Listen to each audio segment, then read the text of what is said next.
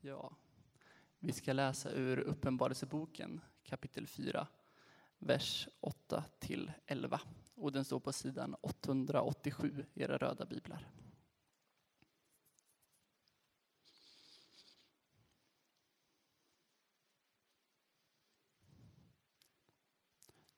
De fyra varelserna hade vardera sex vingar och de hade fullt med ögon utåt och inåt. Utan att vila säger de dag och natt. Helig, helig, helig är Herren Gud, allhärskaren. Han som var och som är och som kommer. Och när dessa varelser hyllar och ärar och tackar honom som sitter på tronen och som lever i evigheters evighet, då ska de 24 äldste falla ner inför honom som sitter på tronen och tillbe honom som lever i evigheters evighet och lägga sina kransar framför tronen och säga Du, vår Herre Gud, är värdig att ta emot härligheten och äran och makten. Ty du har skapat världen och genom din vilja blev den till och skapades den. Och så ska vi läsa ur Matteus evangeliet kapitel 15, vers 29 till 31 som står på sidan 691 i era röda biblar.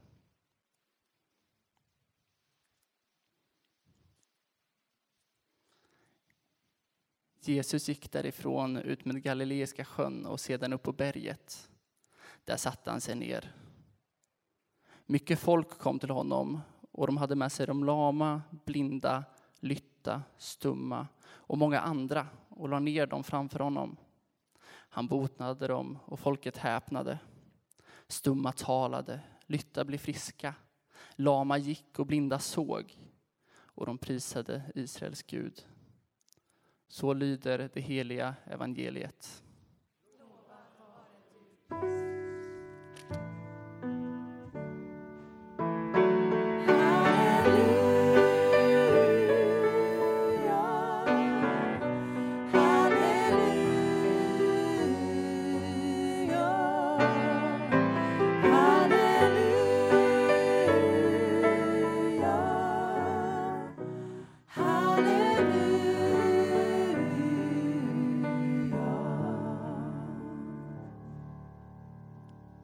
Innan ni sätter er, kan ni inte göra så att ni bara hälsar på två stycken som ni inte har hälsat på idag? Jag vet att ni älskar sådana grejer.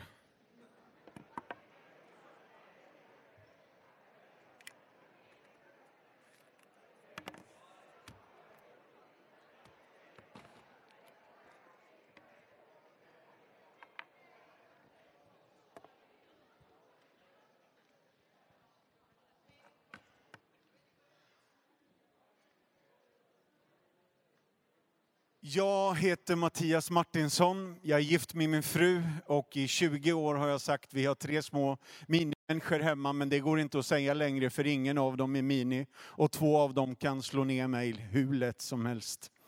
Jag jobbar som evangelist i fadderbarnsorganisationen Compassion och det är min stora ära att få predika här idag. Jag har jobbat som pastor på Nimbuskyrkan på Öckerö i några år och jag har jobbat nere i baptistkyrkan Tabernaklet med församlingen Göteborg Vineyard i 12 år. Jag har varit här och lett lovsång men jag tror inte att jag har predikat här förut. Och så blir det Uppenbarelseboken kapitel 4. Ha, tack för den hörni. Det är ju jättelätt.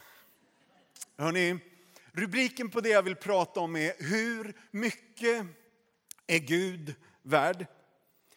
Och för kyrkoåret så är det tacksägelsedagen och underrubriken är lovsång.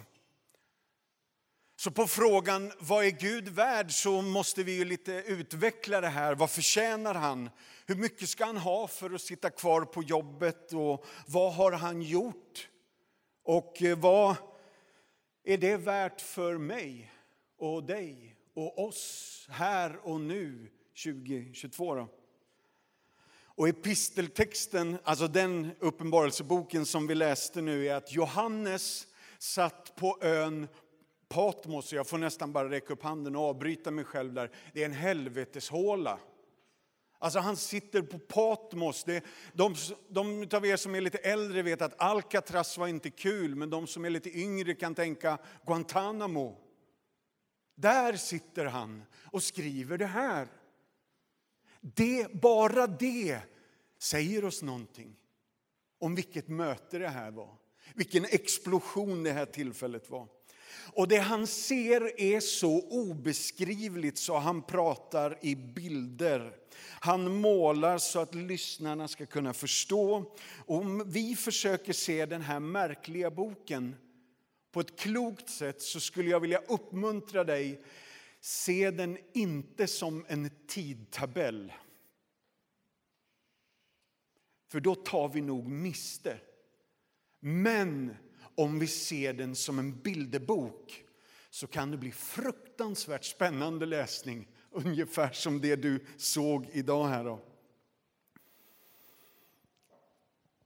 Fyra varelser, sex vingar. Det här är ju inte... Alltså, alltså, Sagan om ringen är ju ett undertake. Eh, ja, ni hör ju. Det är en märklig text. Och jag tänker om jag hade varit en varelse med sex vingar, då hade jag tänkt att ja, men då är jag något. Då är jag något speciellt, då har jag någonting att komma med. Jämfört med en gråsparv som bara har två. Eller... Men de verkar helt upptagna med något annat än sig själva. För texten säger dag och natt, men problemet är att i Uppenbarelseboken så finns det ju inte dag och natt. Då är det att texten vill faktiskt säga att det här gjorde de hela tiden. De hängav sig åt någonting som de faktiskt tyckte var så mycket viktigare än att ha sex vingar. Och jag har lite svårt att förstå, vad kan vara viktigare än det? Och så ropar de till varandra som om de inte har hört det förr. Helig, helig, helig. Och de av er som har läst Gamla testamentet vet att det här upprepas ju gång efter annan. Framförallt Jesaja kapitel 6. Men jag har läst så många gånger så att jag refererar mer till trevlig, trevlig, trevlig. Och det landar inte riktigt. Den här texten utmanar oss den utmanar de av oss som kanske fastnar i Sagan om ringen eller Game of Thrones om du vågar se den. Inget jag rekommenderar. Jag har inte sett den, säger jag då. Eller det kanske jag har, eller vi tar det sen på förbönen. Sen har vi 24 äldste. Alltså det är ju de tolv stammarna och de tolv apostlarna gissningsvis sammanslaget att det här är det nya och det gamla förbundet. Allting hör ihop och det känns ju bra. Men att vara äldste är ju ett ansvar, ett uppdrag, en värdighet, ett kall som heter duga. Men de här 24 äldste ägnar sig inte alls åt sitt kall och då skulle jag vilja säga, hallå, ni har ju fått såna vita körkåpor som bara de som sjunger i Felicity får när det är jul och påsk. Så de har körkåpor och de har guldkronor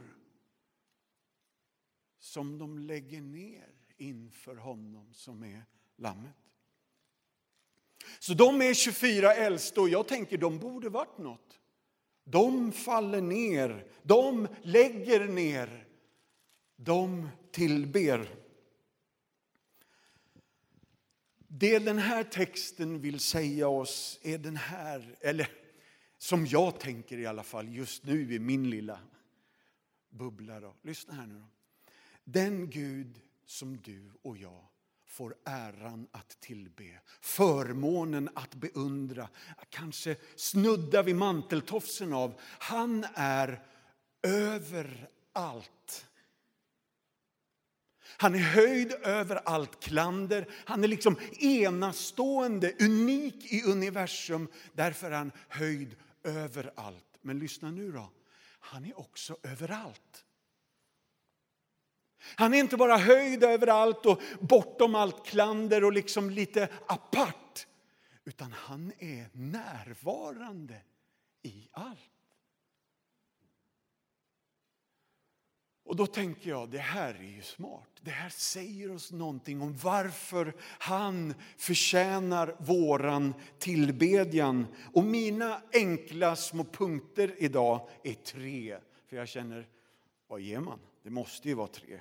Behovet av tillbedjan, varför vi tillber och sen sista för de av er som är lite äldre. Hela kyrkan sjunger. Vi tar dem en i taget. Behovet av tillbedjan, varför vi tillber och hela kyrkan sjunger. Punkt nummer ett. Behovet av tillbedjan. Tacksamhet och lovsång odlar i mig en grundläggande grogrund, försök att säga det fort, för en hälsosam och helig attitude of gratitude. Jag vet att jag bytte språk där på slutet och jag vet att det är populärt i vissa kretsar men kanske inte här idag. Alltså lite längre uppåt Göteborgs hållet så finns det kyrkor som kör mycket på engelska. Många slogans och korta snärtiga grejer. Men det är svårt att säga attitude of gratitude på svenska så kortfattat som det faktiskt är här. Så jag bjuder på den idag. Men tacksamhet och tillbedjan odlar alltså i mig en grundläggande grogrund. Hörde ni Petras inledande ord? Boduntonen bottenplattan. Det som det andra bygger på. Tacksamhet och tillbedjan. Det är ytterst få kyrkprylar som vi gör nu som vi kommer att göra sen i evigheten. Vi kommer inte att fika. Det kommer att bli ett slut på de där torra frallorna med tveksam ost och röd paprika. Och sån där apelsinsaft som är så stark så det känns som att det är alkohol i den. Det kommer att bli ett slut på de frallorna. Vi kommer heller inte att evangelisera. Vi kommer inte att missionera. Vi kommer inte be för sjuka. Vi kommer heller inte dela ut mat. Däremot kommer vi att tillbe. Hela tiden. Mycket och väldigt länge. Himlens förnämsta, främsta och dominerande verksamhet är en pågående, alltså en kontinuerlig tillbedjan av Fadern, Sonen och den helige Ande. Och de alla tre verkar njuta av att låta oss få delta i lovsången. Så historiskt skulle jag vilja säga, vi är inte bara ett sjungande folk. Det är vi. Vi är ett sjungande folk. Men vi är främst ett tillbedjande folk. Det finns ingen annan religion än kristendomen och judendomen som är så sjungandes. Visste du det? Alltså, kristendomen och judendomen slår alla andra religioner med hästlängder i fråga om sång till Gud. I fråga om tillbedjan som riktar sin uppmärksamhet på skaparen istället för skapelsen. De här sexvingade varelserna gör ett intellektuellt uttalande om vem Gud är. Att han är evig och de pratar om hans karaktär. Han som var och som är och som kommer. Det här säger oss något jätteviktigt. Och det är att tillbedjan är inte bara till för dem av oss som är lite happy-clappy. De som kör med slogans på engelska. Utan tillbedjan är till för alla. Oavsett, höll på att säga, ålder och kvalitet på sångröst så verkar tillbedjan vara essensen, grunden, bulten, botten, bygget eller grundtonen. Så tillbedjan är också ett intellektuellt och intelligent gensvar med hela skallen. För vi säger till Gud, du har nämligen gjort allt och inget av allt du skapat skulle kunna klara sig utan dig. Därför förtjänar du inte bara en klapp på axeln, lite beundran, utan min ekonomiska slutsats är att Gud förtjänar allt. Så din teologi bör alltså motivera din hymnologi och föda en biblisk doxologi. Konfirmanderna, vi tar det på svenska istället.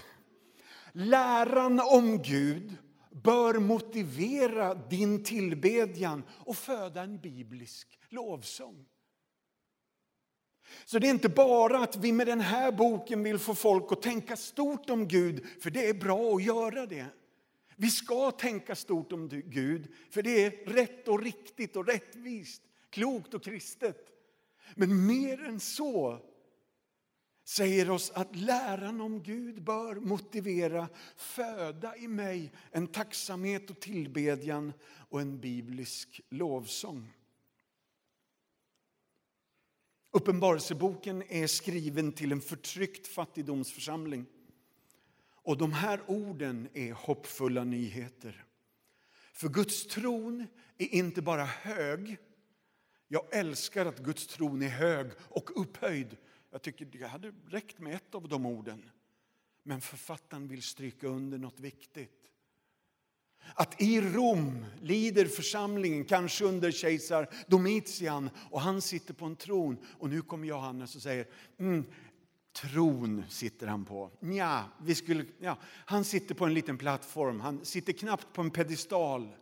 Ni ska få se det jag har sett. Den tronen som Gud sitter på, den är både hög och upphöjd.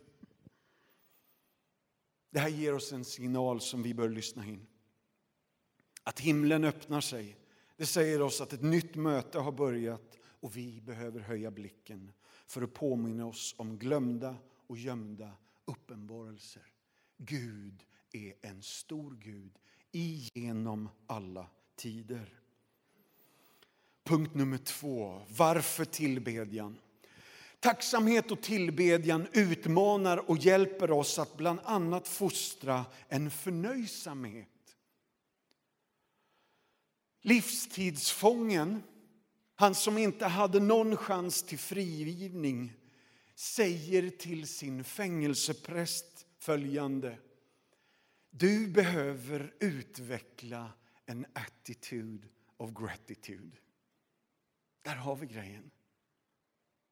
Jag tycker att det är fel kille som säger rätt sak till fel person. Det borde varit tvärtom. Att prästen ska peppa internen.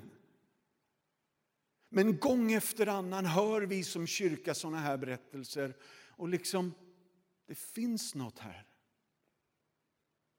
De av er som minns boken Gömstället av Corrie ten Boom. När hon kom till, det var inte Auschwitz, vad hette det, Ravensbrück med sin syster så kom de till den risigaste baracken. Men väl där så visade det sig att den risigheten hade goda konsekvenser med sig. Det gjorde att soldaterna inte gick in i den baracken. Så Corrie ten syster började prisa Gud för lopporna och stanken. Och sen började hon prisa Gud för att vi är i alla fall i samma barack. Och vi har ju i alla fall en bibeldel. Hörni, jag tycker att loppe låter sådär.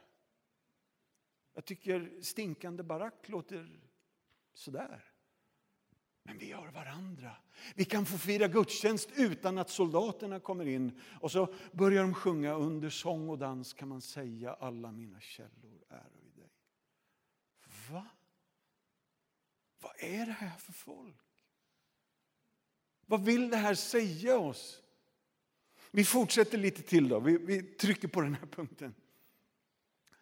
Ni vet Jobs bok, 42 kapitel. Alltså det är den risigaste boken i hela Bibeln tycker jag. För tre år sedan blev han min viktigaste vän när vi under två månaders tid bodde på Östra sjukhuset med vår yngsta familjemedlem. Och att Jobb i kapitel 19, alltså innan allt har löst sig i kapitel 42, att Jobb i kapitel 19 säger, jag vet min förlossare lever och en dag ska jag få se honom sån som han är. Om än min kropp förgås så förtärs hela mitt inre av denna längtan. Och jag känner, Jobb, jag har en del att lära här. Corrie ten Boom, kan du hjälpa mig? Och så fortsätter det så här. Jag tror faktiskt jag har någon referens till Habakuk så småningom, men vi, vi tar det när det kommer. Då. Ja, men, ja, bläddra till Habakuk, grabbar. Fikonträdet blomstrar inte mer, vinstocken ger ingen skörd. Olivträdets frukt slår fel och fälten ger ingen föda. Fåren rycks bort ur follorna och ingen boskap finns i stallen. Men snälla någon, kära Habakuk, du skulle gått till doktorn för länge sen. Han hade skrivit ut något för det där. Ärligt talat, det här är ju kämpig uppförsbacke. Och sen slutar han med nästföljande ord. Men jag vill jubla i Herren och glädja mig i min frälsningsgud. Herren Gud är min styrka, han gör mina fötter som hjorten och låter mig gå fram över mina höjder. För sångmästaren med mitt stränga spel hade Habakuk varit hiphoppare så är det här mic drop-ögonblicket för sångmästaren med mitt stränga spel. Vet att den versen vi läste där, det är upprinnelsen till sången.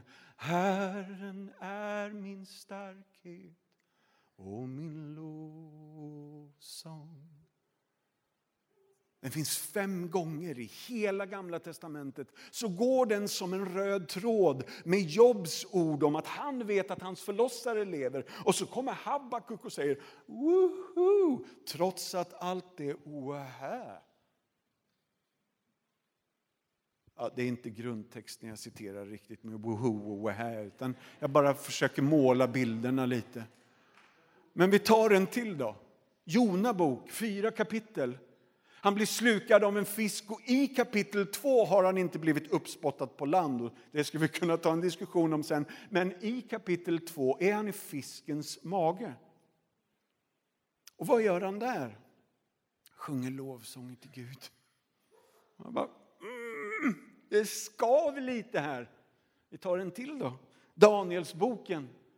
Sadrak, Mesak och Avenego slängs i en brinnande ugn och i dina apokryfer så har du en 14 versar lång lovsång som de här killarna sjöng. Och jag tänker, den måste de väl ha sjungit när de är liksom ute ur ugnen? Nej, jag tänker Mose och Mirjams sång i Första Mosebok kapitel 14. Alltså, då sjunger de ju när de är ute ur Röda havet, när corona är klart när Ukraina-kriget har liksom löst sig, när den ekonomiska situationen för elen i landet är räddad, då ska vi sjunga.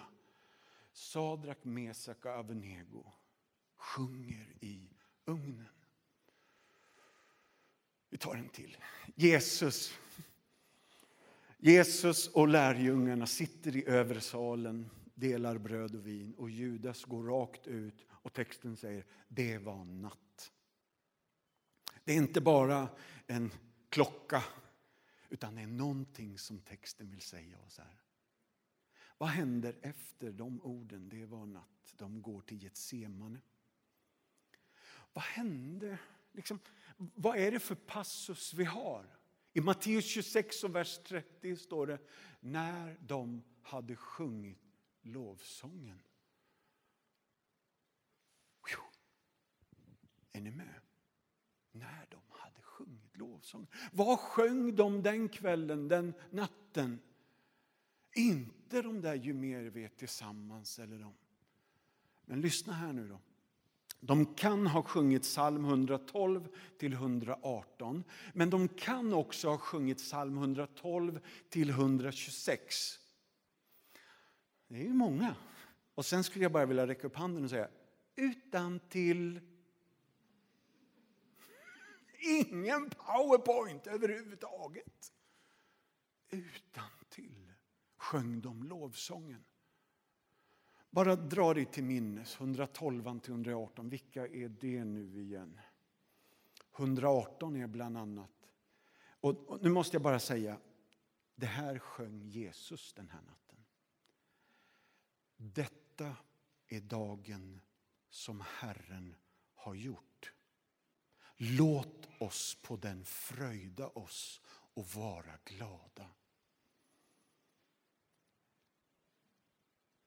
Hör ni att det finns en röd tråd av lovsång i märkliga, mystiska, mörka, svåra, svarta tider. Och kyrkan sjunger sig igenom den. Jag är den yngsta av fyra barn och min pappa hette Ingmar Martinsson. Han ledde en organisation som hette Slaviska missionen Ljus i öster. De smugglade miljoner biblar till gamla Sovjet på 60, 70 och 80-talet. Är det någon som har smugglat upp med en hand? Det är några stycken. Man kanske inte vågar räcka upp handen på det. Ja, i alla fall. Det höll min farsa på med hela min barndom. Vad skulle jag säga med det då? Varför tog jag upp honom? Jo, när jag var liten så var jag i Santa Clara i Stockholm och fick ett stort fång med rosor som jag skulle lämna till en gammal farbror. Det visade sig att han hette Georgi Vins och hade suttit 18 år i Sibirien. Jag fattade inte det när jag var fem sex. Ja, här är lite rosor till dig. Hans, hans kyrka formligen exploderade av väckelse när han satt där borta. Kyrkan lovsjöng och tillbad. Och tillbad igenom allt och trots allt. Vi tar den sista här borta, om vi liksom håller en tidslinje här. Så Apostlagärningarna kapitel 16. Paulus och Silas sitter på kåken de har inte blivit rättvist behandlade under dagen och miss i nassen har de bönemöte och sjunger lovsånger till Gud. Och jag tänker, det här är ju otajming. Hur, hur, hur, hur mår de, undrar jag? Hur kommer det här sig? Det är inte så att de har gått till söndagsskolan och vet att om du tar tenoren och vi höjer en hel, då är det möjligt att portarna går upp. Det vet ju vi. Men det är inte så att Paulus och Silas gör en kalkylerad överläggning och tänker att om vi tar ropa till Gud eh, i H och höjer den till C så kanske det blir ett genombrott. De bara sjunger för att det är deras natur. Jag måste gå tillbaka hit känner jag för vi måste kolla på klockan nu hörni. Käre Gud, be en bön nu hörni. Vi tar punkt nummer tre. Hela kyrkan sjunger tacksamhet och tillbedjan välkomnar Guds glädje att ta större plats och den sätter också oron på sin plats. Så vad ska jag göra enligt Uppenbarelseboken? Lägg ner din krona inför honom redan nu. Tacka honom för allt han har gett och gjort. Så vi lever enligt Nya testamentet våra liv i tacksamhet och tillbedjan. Och varför är de här två så ivrigt sammanlänkade genom hela din bibel? Här hör ni Kolosserbrevet 3, och vers 5-17. Låt Kristi frid regera i era hjärtan, den frid ni är kallade till i en och samma kropp. Och var tacksamma. Låt Kristi ord rikligt bo hos er med all sin vishet. Undervisa och förmana varandra med salmer, hymner och andliga sånger. Och sjung till Gud med tacksamhet i era hjärtan. Och allt vad ni gör, i ord eller handling, gör det i Herren Jesu namn och tacka Gud Fadern genom honom. Det känns som att vi har ett tema här. Alltså de bara att utveckla tacksamhet och lovsång är inte bara en personlig, individuell strävan för mig som lärjunge, utan vi är kallade att vara kollektivt tacksamma och sjungandes regelbundet. För det är hälsokost för oss. Det påminner oss om den verkliga verkligheten. Den sträcker vår blick och lyfter våra ögon och får oss att se att det är lite större än bara här och nu. Så den här texten innehåller instruktioner till församlingen i Kolossi. Och per volymprocent så kan ju både du och jag se att tacksamheten ska flöda över tre gånger. Och i de här verserna nämns tacksamhet tre gånger, lovsången tre gånger. Vi tar en till då bara innan vi går ner för landning här. I Efesierbrevet 5 och vers 18 till 20. Berusa er inte med vin, det leder till vårdslöshet. Låt er istället uppfyllas av anden och tala till varandra. Har vi inte läst det här nyss? Med salmer. Jaha, igen. Hymner. Oh, Okej. Okay. Och andliga sånger.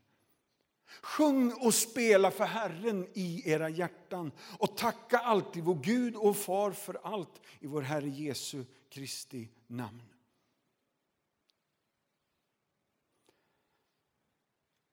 Lyssna här ska ni få höra. Bibelkommentatorn Matthew Henry han blev rånad en gång, och det här är länge sedan. Och när han senare skrev om det här råneriet, som vi böjer det till på Öckerö. Han skrev i sin dagbok som följer. Jag har aldrig blivit bestulen förut.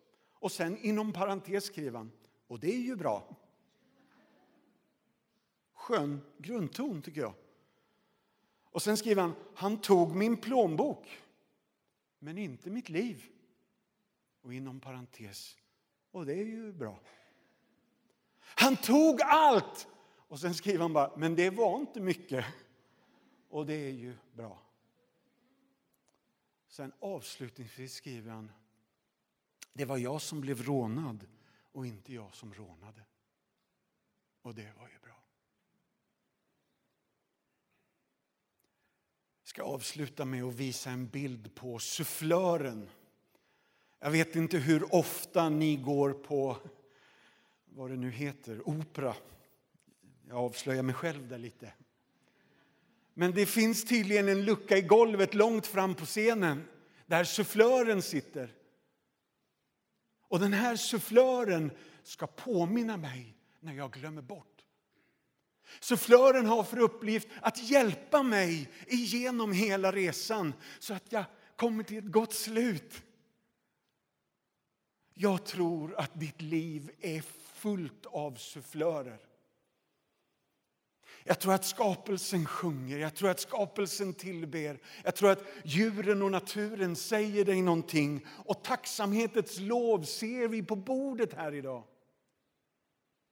Jag tror att den heliga Ande är en av de absolut bästa sufflörerna i hela universum. Problemet är att efter hela coronagrejen så har jag knäck i lurarna. Och sen kom det ett krig och sen kom det en elkris. Så att mina axlar är lite tyngda. Det är därför vi bjuder bröd och vin. För att påminna oss om den verkliga verkligheten. Att vi inte bara är ett sjungande folk, utan ett tillbedjande folk. Och skulle vi säga någonting om Christian Lok och Fredrik Lindström så är det, vart är vi på väg? Vi är på väg framåt hit. Det kommer och res sig. Och det är inte bara så här, utan vi har historiens slut i vår hand när vi läser vår bibel. Det bör ge oss hopp. Det bör föda vår tacksamhet, vår tillbedjan och vår lovsång. Nu ber vi tillsammans.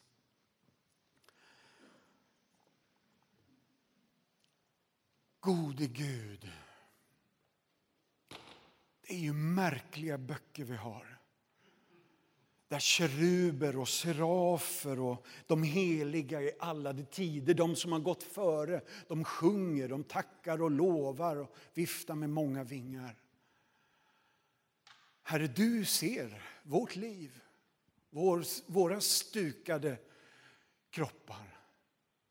Och Herre, vi vill bara säga till dig, vill du att vi sjunger för dig? Ja, men då gör vi det Gud. Och vi vill också säga, Herre hjälp oss att göra det för allt vad du är värd. Och vi vet att våra sånger kommer till korta, så därför Jesus vill vi tacka dig för att du är den liksom, yttersta lovsångsledaren som står och leder sången inför Fadern med dina bröder, säger Hebreerbrevet och Romarbrevet. Så det är vår bön.